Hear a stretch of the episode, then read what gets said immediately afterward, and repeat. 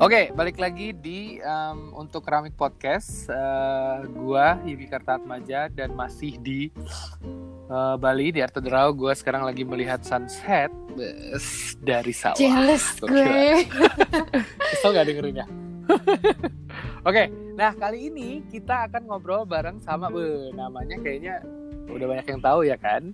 Eh, kita sekarang ngobrol barengan sama eh, Ayu Larasati. Halo, kita sapa dulu ya. Halo Ayu. Baik, baik, baik. Apa kabar nih? Ya. Baik, baik ya. Ini kan tadi gua ngeliat Mm-mm, lagi waduh. ngeliat sunset di sawah nih. Terus eh, gue depan gue meja yang dilihat kertas doang ini sama tempat pensil. Kesian. Indah. Selama eh, pandemi ini kan gua Mm-mm. sempat lihat-lihat juga Instagram lu. Iya, dan malah mulai baking sekarang tren malah ya. orang-orang pada baking juga. Kayak- Eh, oh dan gitu jamu ya? mungkinnya jamu sekarang gue baking dan jamu. tuh. Jamu juga. Yes. Oh, oh Nah, karena jamu itu juga. ya. Sekarang karena udah mulai- dan jahe itu ya. Iya, jadi semua jamu nih juga mulai mulai modern nih jadinya. Iya, iya, Packagingnya, rasanya, gitu-gitu. Oke, nah eh, ya karena eh, nama podcastnya juga untuk keramik ya, mari kita berbicara tentang keramik sekarang. Nah mungkin kalau misalkan eh, apa namanya eh, ada beberapa yang udah tahu, tapi ada juga beberapa yang belum tahu. Jadi sebenarnya Ayu ini tuh awal berkeramiknya tuh Jadi Kapan saya dan itu sebenarnya? waktu itu di Kanada eh, kuliahnya industrial design. Dan eh, saat kuliah itu saya mengambil dua mata pelajaran keramik. Nah sebenarnya eh, waktu ngambil dua mata pelajaran kredit keramik itu nggak eh, belum terlalu eh, kebayang kalau misalnya kalau udah lulus tuh mau bikin studio sendiri sih. Jadi kayak cuman sekadar coba-coba and itu actually the first time gitu buat gue eh, bekerja dengan keramik. Nah, uh, uh, uh, lalu kemudian Ah, oke. abis graduate uh, kerja menjadi product designer di di Toronto Uh, tahun ke dua Hah? tahun kedua apa tahun ketiga gitu saya udah mulai bosan dengan kerjaan Iya dengan kerjaan desain yang di komputer terus kan, jadi Oke, kayak oke. gam- gambar AutoCAD melulu gitu. Ah. Jadi, Heeh, jadi lumayan bosan. Sedangkan waktu kuliah tuh kan kayak kita desain lalu kita bikin kan barangnya sendiri gitu.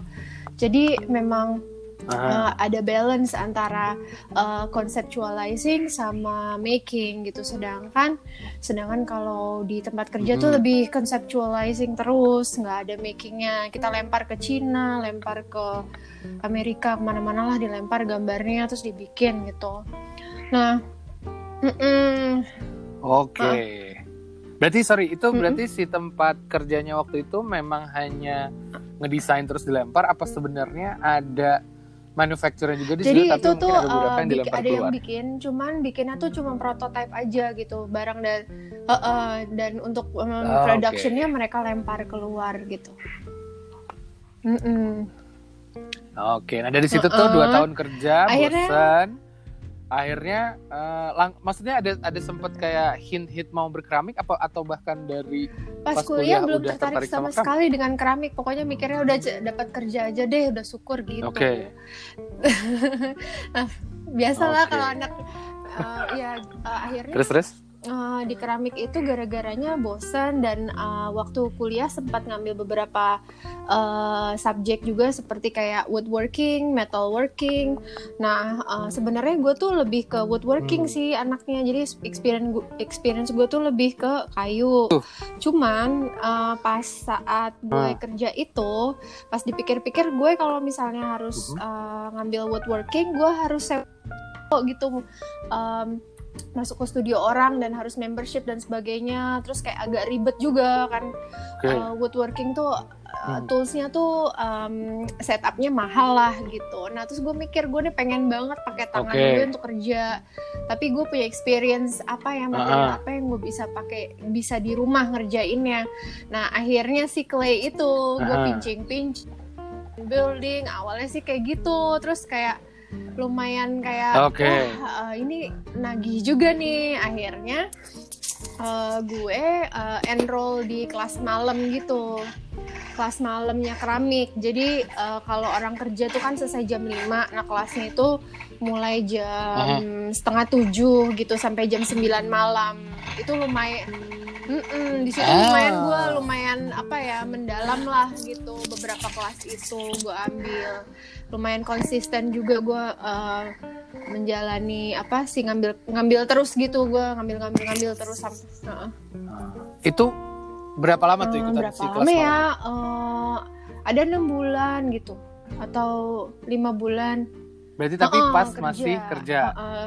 Soalnya kan gue mikir ya kalau gue ini background apa yang udah gue punya, cum- jadi gue nggak start dari zero lagi kan optionnya gue pakai woodworking, Ah, metalworking atau clay gitu kan. Sedangkan yang dua itu tuh agak susah gitu Ah. nyari nyari tempatnya dan sewa alatnya gitu. Kalau clay itu lebih bisa gue kerjain dari rumah.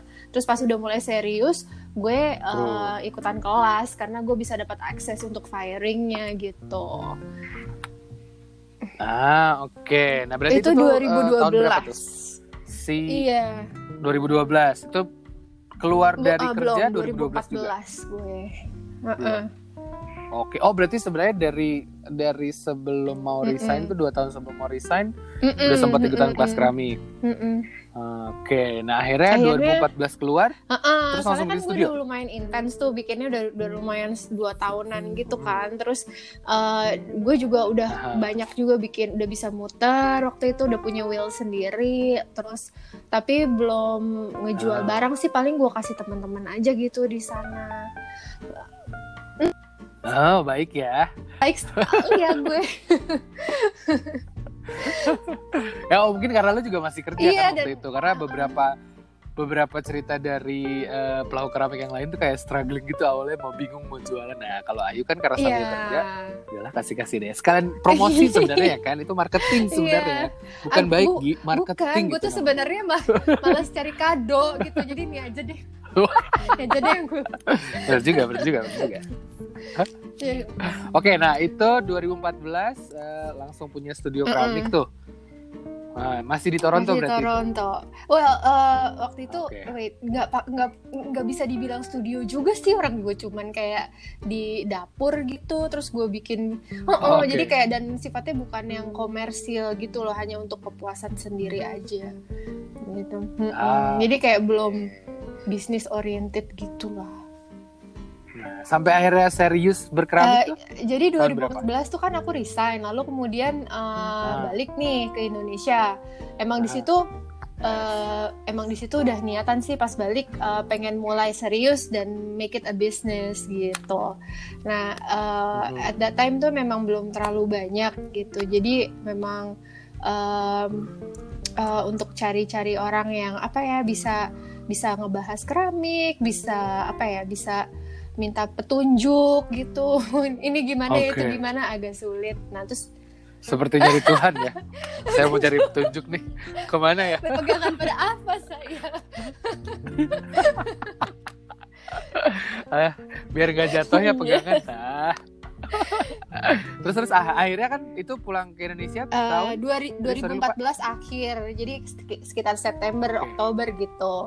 Nah ketemu nggak tuh si Tuhannya untuk cari petunjuk seperti berkeramik? dijawab doa saya. ketemu itu waktu itu um, waktu itu kebetulan uh, aku Google kan keramik Jakarta gitu. Lalu kemudian dapat dapat nomor teleponnya Mbak Antin. Terus Mbak Antin tuh aku nelfon Mbak Oke. Antin, Mbak, eh, Mbak Antin, eh, aku nggak tahu namanya Mbak Antin. Halo gitu kan. saya Coba gua pengen tahu kata-kata lo precisely pada saat aduh itu apa? gue kagak inget dah tuh tapi gue pokoknya intinya cari tempat pembakaran lah gitu karena karena gue udah udah Oke. ada alat muter dan gue bisa muter dan gue butuh kayak bakar biskuit nih next stepnya kan terus gue gue Ah, google google ya. gitu terus keluar tuh nomor teleponnya mbak Antin somehow gitu Ah, Eh, oke. Terus, Terus, akhirnya uh, Mbak Antin bilang "Ah, coba ke ini aja yuk ke mana uh, Mas Haryo gitu ke, uh, di di di Senopati gitu kan. Lalu kemudian Yes. ke uh, ke Mas Aryo lah gue bawa-bawa pieces gitu kan um, lalu Ah. kemudian di situ uh, diperkenalkan bikin glasir karena selama ini tuh uh, gue selalu pakai glasir yang bikin jadi, uh, jadi udah jadi gitu kan aduh maaf ya gue nggak apa-apa Uh, Hai Aina. eh lagi Aina. demam oh Nggak benar kedengeran ya juga. Jadi tuh itu apa eh, waktu sebelum eh, pindah itu kita glasir bikin jadi eh beli jadi gitu tinggal pakai very convenient kan Nah, Ah. terus pas di Indonesia tuh banyak hal lah yang harus eh, dipelajari termasuk bikin glasir itu sendiri gitu jadi Mas Haryo ini juga ngebantuin untuk mempelajari gimana bikin iya glasir eh, Oke. Itu berapa lama tuh akhirnya? Maksudnya eh, bolak-balik ke eh, Mas Haryo Hmm. untuk ikut bakar atau belajar glasir? Itu sempet kayak eh, workshop proper gitu apa lu kayak cuman eh, datang terus ngobrol? datang ngobrol doang sih. Dan kayak gue gue tuh kan eh, datang terus eh, ya udah ngedrop barang. Kadang-kadang cuma gitu. Terus em, nanti kalau udah siap glasir gue bawa lagi glasir di rumah. Terus nanti kalau udah glasir drop lagi gitu doang sih nggak eh, eh, Ah, karena oke. sebenarnya toolsnya udah ada di rumah cuman tungkunya nggak ada kan jadi kayak gitu tuh main lama sih Wah terus rumahnya tapi di rumah lu yang Bu- sekarang, which is lumayan bukan jauh kan? bukan eh, tapi dulu Oke. juga jauh sih gue dari Bekasi soalnya Oh. Oke. iya Right, itu tuh eh, tahun 2014 2015 lah. Uh, um, terus gue baru punya 15. tungku sendiri tuh 2015 pertengahan Juni gitu. Nah itu gue Ah. punya tungku Lebaran gitu gue masih inget tuh Lebaran 2015. Hmm. Oke, dapat THR beli tungku. Mm-mm. Akhirnya ya. Terus THR dulu siapa? Terus akhirnya udah, oke, 2000 pertengahan 2015 beli tungku itu akhirnya mulai tuh.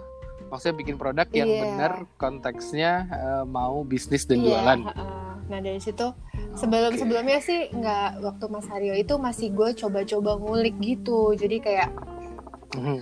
eh, gue coba untuk kayak bikin glasir sendiri terus kan cemplang gitu kayak rasanya nggak enak kalau kurang garam apa gitu kan rasanya iya lu, Cemplang? lu gak pernah denger cemplang ya kayak orang Jawa bilang cemplang tuh kayak kurang garam gitu kayak sari asem kurang Oh, oke. kayak gitu gitu Iya. jadi kayak kok keramik gue cemplang ya gitu terus pasti nyari-nyari gitu iya ya terus Ah. 2000 Mm-mm. Terus kan 2000 silakan silakan. 2000 kemudian 2015 eh, mulai kayak oh ternyata punya tungku juga harus ngulik lagi gitu walaupun glasir capek terus eh, Oke. maksudnya eh, kalau misalnya glasirnya udah oke di tungku Mas Aryo ternyata di tungku gue beda lagi ya gitu True, Nah, true. terus eh, itu lumayan lama sih dan eh, akhirnya juga oh ya oke ini kayaknya glasir kayak gini bagus untuk untuk di posisi mana terus gaya eh, bakarnya kayak gimana. Nah itu udah mulai dapat 2015an akhir kayak gitu. Terus mulai udah dapat job-job juga untuk em, apa namanya untuk eh, project gitu project wholes eh, eh, project wh- wholesale untuk restoran kayak gitu. Jadi lumayan ini sih dan at that point belum terlalu banyak juga yang bikin keramik. Jadi sambil ngajar juga jadi kayak ada misalnya ada tiga revenue of income gitu ngajar. Oh, ya, ya benar, benar, benar, benar, benar. Itu ngajar di? Ngajar di lepasan aja kalau misalnya ada orang eh ayo datang dong kita punya coffee shop nih gini-gini kita punya space-nya kamu datang ya gini-gini. Terus kayak aku yang aku yang jualan sih kayak um, eh, ini um, per seatnya sekian terus nanti paling bagi bagi untung aja sama restorannya gitu. Mm-mm. Ah, Oke, nah du- oh, kan katanya ke sebelumnya kan kita sempat Mm-mm. ngobrol nih. Nah, katanya sempat mau balik lagi ke Oh iya, Toronto. nah itu 2016 sebenarnya out of personal reason Aha. sih karena karena urusan pribadi karena anakku uh, yang satu kan Canadian lalu yang satu juga ah biar uh, ini dan aku kebetulan permanent resident jadi aku bisa balik gitu. Um, Oke. Lebih ke personal reason aku balik ke sana um, karena mau Tadinya mau for good tuh Mm-mm, sebenarnya mau kan? for good gitu cuman kayak nggak sanggup. Tapi tungku belum dibawa Enggak, ke Toronto enggak, tuh. Oke, Enggak. oke. Kirain kayak for good gue bawa tungku. Terus ternyata balik lagi. Iya. Nah, balik lagi Eh, tahun 20, 2017 akhir. eh ya itu Oke. November gitu. Mm-mm. Nah yang sempat lu ngajar ikut bareng Industri. Gue lupa. Waktu itu. Industri Nah, justru di industri itu tuh kapan? 2014. 2015 kayak udah gue Oh, enggak karena kayak mereka ada sistemnya gitu kan yang gue harus follow through dan I don't think I can commit terus gue back out gitu. Sorry I cannot. gue nggak bisa commit ngajar sekian sekian gitu. Karena gue anaknya seenak udah Iya, iya, gitu kali. Tapi ya sih maksudnya kebanyakan orang kayaknya kalau udah mau bikin studio keramik sendiri di rumah Hmm. gitu, biarpun masih rumahan dan independen, memang tujuan utamanya adalah ya gue pengen melakukan apa yang gue pengen lakukan. gitu. Karena kan sebenarnya kayak kita kita juga kalau ngadepin klien terkadang aduh, Iya, aduh, tapi kenapa ya? gimana ada Iya. butuh gitu ya. Kayak mau nggak mau gitu ya padahal rezeki ya. Nah tapi lo kan backgroundnya si eh, desain Iya. produk kan. Itu tuh akhirnya eh, sampai lo sekarang berkeramik ada eh, pembelajaran dari produk desain yang akhirnya bisa teraplikasikan Oh ketika iya lo banyak berkeramik. banyak sekali. Jadi kayak mm, iya. Banyak sekali. Eh, Contohnya jadi boleh. kalau misalnya di product design atau gue lebih ke industrial design sih dan di situ di di apa Oke. ya diajarkan namanya da, eh, divergent thinking sama conversion thinking. Jadi kayak eh, Oke. kalau dalam mendesain kita tuh harus kayak open ended pas awal-awal. Jadi kayak lo bisa eh, um, apa ya jadi let the idea flow. Jadi jangan ada batasan jangan ada kritik jangan ada pokoknya let what you think is gonna be a good product di paper di gambar aja semuanya. Dan itu harus bi- biasanya cepat gitu waktunya dan nggak harus flowing terus gitu. Jadi nggak nggak Hmm. boleh ada stop karena stop itu akan berpikir dan menganalisis eh, desain lo eh, tapi itu belum saatnya gitu. Nah saat Hmm. udah selesai misalkan eh, kamu misalnya dikasih waktu 20 menit gitu untuk si divergent thinking ini gitu. Eh, itu kan semuanya bisa kelihatan eh, marknya mau handle-nya apalah aneh lah carving ini itu terus finishingnya pakai slip apa pokoknya segala rupa itu dituangin aja dan nggak boleh berhenti 20 20 menit itu. Lalu kemudian em, kemudian pas udah selesai 20 menit baru menganalisa ini yang bagus yang mana atau kombinasi antara atau apa gitu yang kayak bisa di-improve. Jadi misalkan tiga sketches jadi satu gitu. Misalkan ada dua desain yang bisa di-combine kayak gitu. Nah itu eh, juga diaplikasiin sih ke eh, desain-desainku gitu Eh, pas pas makingnya juga karena kan kalau di paper beda lagi ya pas lagi makingnya kok jadi jelek ya gitu maksudnya yang yang yang True, kok kayak true. di paper tuh make sense di pas dibikin kok jelek gitu nah nah itu balik lagi ke situ gitu ke papernya tadi nah pas lagi Ah. bikin pun ada divergent thinkingnya gitu karena paper sama vis- three dimensional tuh beda gitu. Jadi kayak uh, the- let the 20 minute itu just just do whatever you think it's fun gitu. Kayak crazy Oke. carving lah, crazy color, whatever gitu, just put it out there. Terus nanti baru sebenar sebenarnya itu juga kayak apply tuh kayak um, stretching longer gitu in in in throughout the year gitu. Misalnya awal tahun tuh gue lebih kayak lebih kayak open gitu loh, open ini mau tahun ini mau ngedesain apa gitu, lebih kayak moodnya divergent thinking. Tapi pa- pas udah Aha. towards kayak uh, holiday season nih kan harus ya you know you have to make money gitu kan jadi kayak jadi kayak ayo kita kita lihat nih apa yang selling apa yang like work and not work terus let's Ah. focusing on that gitu itu lebih kayak convergent gitu loh Heeh. iya Oke. dan. Sip. Ke- kelamaan ya gue Dan nggak apa-apa.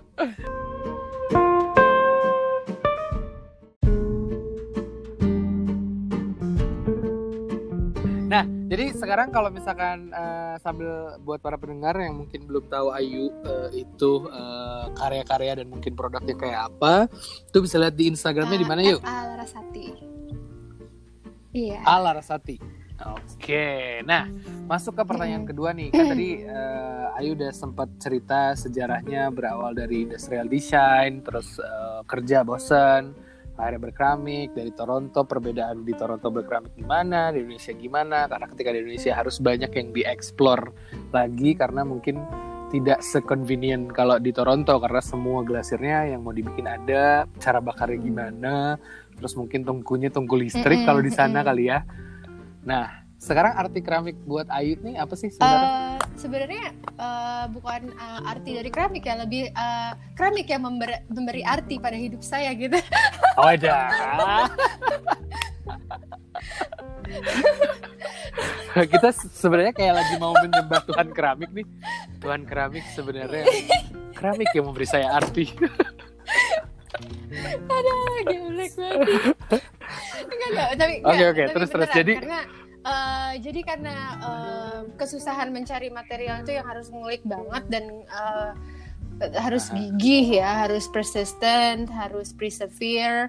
Em, itulah yang kayak membuat saya realize tuh eh, kayak keramik itu sifatnya sama seperti alam gitu in general kayak alam semesta gitu jadi kamu taking a piece of what's in the Mhm. ground uh, terus uh, itu dan you have to realize karakternya untuk bisa membuat barang itu works for for your design gitu. Nah sometimes um, sometimes tuh kita tuh suka sebagai apalagi background gue desainer gitu ya jadi kayak sering maksain gitu. Beda loh kalau kita desain kayu atau Ah. metal dengan keramik. Karena um, kalau misalnya kayu atau metal kayaknya what is what we're planning to do the shape itu bakalan pasti kejadian maybe 80% of the time gitu ya tapi kalau keramik itu belum tentu loh kayak itu banyak banget faktor-faktor uh, di luar kekuasaan kita gitu jadi kayak bener-bener um, kayak berpasrah dengan alam gitu kayak misalnya Right. kayak hidup gitu makanya hi- keramik itu memberi arti Pada.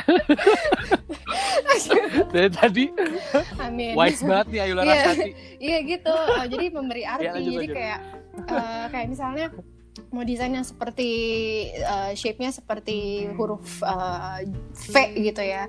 Atau eh, nah itu tuh belum tentu kejadian kalau dengan Ah. tanah yang istilahnya nggak suitable gitu loh. Belum belum tentu kejadian em, misalnya handle yang seperti Mhm. V itu eh, bisa bisa misalnya apa tuh namanya eh, flop gitu. Flop pas lagi eh, apa namanya jatuh gitu bisa pas lagi di kiln pas di firing atau warnanya jadi kayak aneh tidak sesuai dengan padahal Aha. padahal kita udah testing berkali-kali ini kenapa gitu. Jadi kayak pas buka kiln itu sebenarnya kita nggak boleh judging juga gitu kayak misalnya ini ini kok jelek ya ini kok kayak gini ya. I mean it is what it is gitu loh. Maksudnya lu nggak bisa bila- bilang kalau tuh piece bagus atau jelek it is what it is gitu. Jadi kayak hidup juga lu dikasih hidup nggak bisa dong aduh Right. gue jelek banget ya it is what it is ini hidup gitu so iya heeh. Gitu. Harus ikhlas Jadi- berarti ya. dan um, itu lebih kayak dialog gitu kayak memberi dialog uh, antara what we can do sebagai makers apa yang kita bisa lakukan dan kemampuan clay dan mela- uh, Aha. dan um, apa ya uh, kemampuan clay untuk berdialog dengan kita kayak misalnya uh, uh, clay maunya diarahkannya sama kita maunya clay diarahkan seperti ini tapi dia maunya seperti itu Ah. gitu jadi kita jadi kita harus uh, cari middle groundnya gitu Right. dan middle ground itu adalah menghasilkan desain yang sebenarnya lebih spektakuler daripada uh, apa yang kita bayangin Oke. gitu karena kalau kamu bisa mengerti clay itu maunya ke mana dan using that as your advantage itu itu desainnya bakal lebih bagus sih daripada yang kita plan sebelumnya. Itulah art- artinya. Keramik Terus mungkin lo juga eh, apa sih namanya eh, resilient eh, untuk akhirnya berkeramik juga akhirnya mungkin saling membantu. Karena lo juga ibu dua anak kali ya maksudnya kan itu kan juga saya the whole other experience gitu which is gua aja dulu waktu berkeramik di awal kuliah itu kayak sempat bilang ini ngadepin tanah kayak ngadepin cewek sih kayaknya harus kayak lo harus tahu kayak muter Oh aja God. muter aja lo harus tahu kapan neken dia terus harus tahu kapan ngelepas sedikit gitu kan untuk yeah akhirnya exactly bisa it's a naik turun. dialogue right Right, right, right. yeah Oke. Yeah, so it's a it's a it's a balance between kayak ngasih strength sama delicacy gitu. Think. Iya kan? Iya, iya, iya. Tapi tapi lo mikir kalau ngehandle cewek kayak gitu, gue mikir kalau handle cowok harus kayak gitu. Gimana dong? Eh, cowok enggak sih. Mungkin kalau misalkan lo kayak mungkin lebih ke perumpamannya lebih ke kayu atau ke metal kayaknya kalau cowok. Iya Masa nggak sih? Oke. gue lah. juga nggak tahu karena gue belum pernah beneran kayak ikutan workshop kayu or metal juga. Dan bahkan gue aja sampai sekarang gue nggak tahu gue kayak apa. Jadi curhat. Right. Oke. Eh, eh, jadi eh, kita tadi sudah ngobrolin kayak tentang arti keramik buat Ayu yang mungkin seperti kayak kita nggak appraise dewa keramik dan juga dewa semesta gitu bahwa eh, kita semua harus harus uh, apa namanya mungkin um, lebih apa ya lebih lebih melihat sisi positif dari segala hal yang ada di berkeramik ya untuk akhirnya lu jadiin iya. advantage yeah. kan sebenarnya bukan jadinya yeah. kayak ya kok jadinya jelek sih terus udahan gitu jadinya right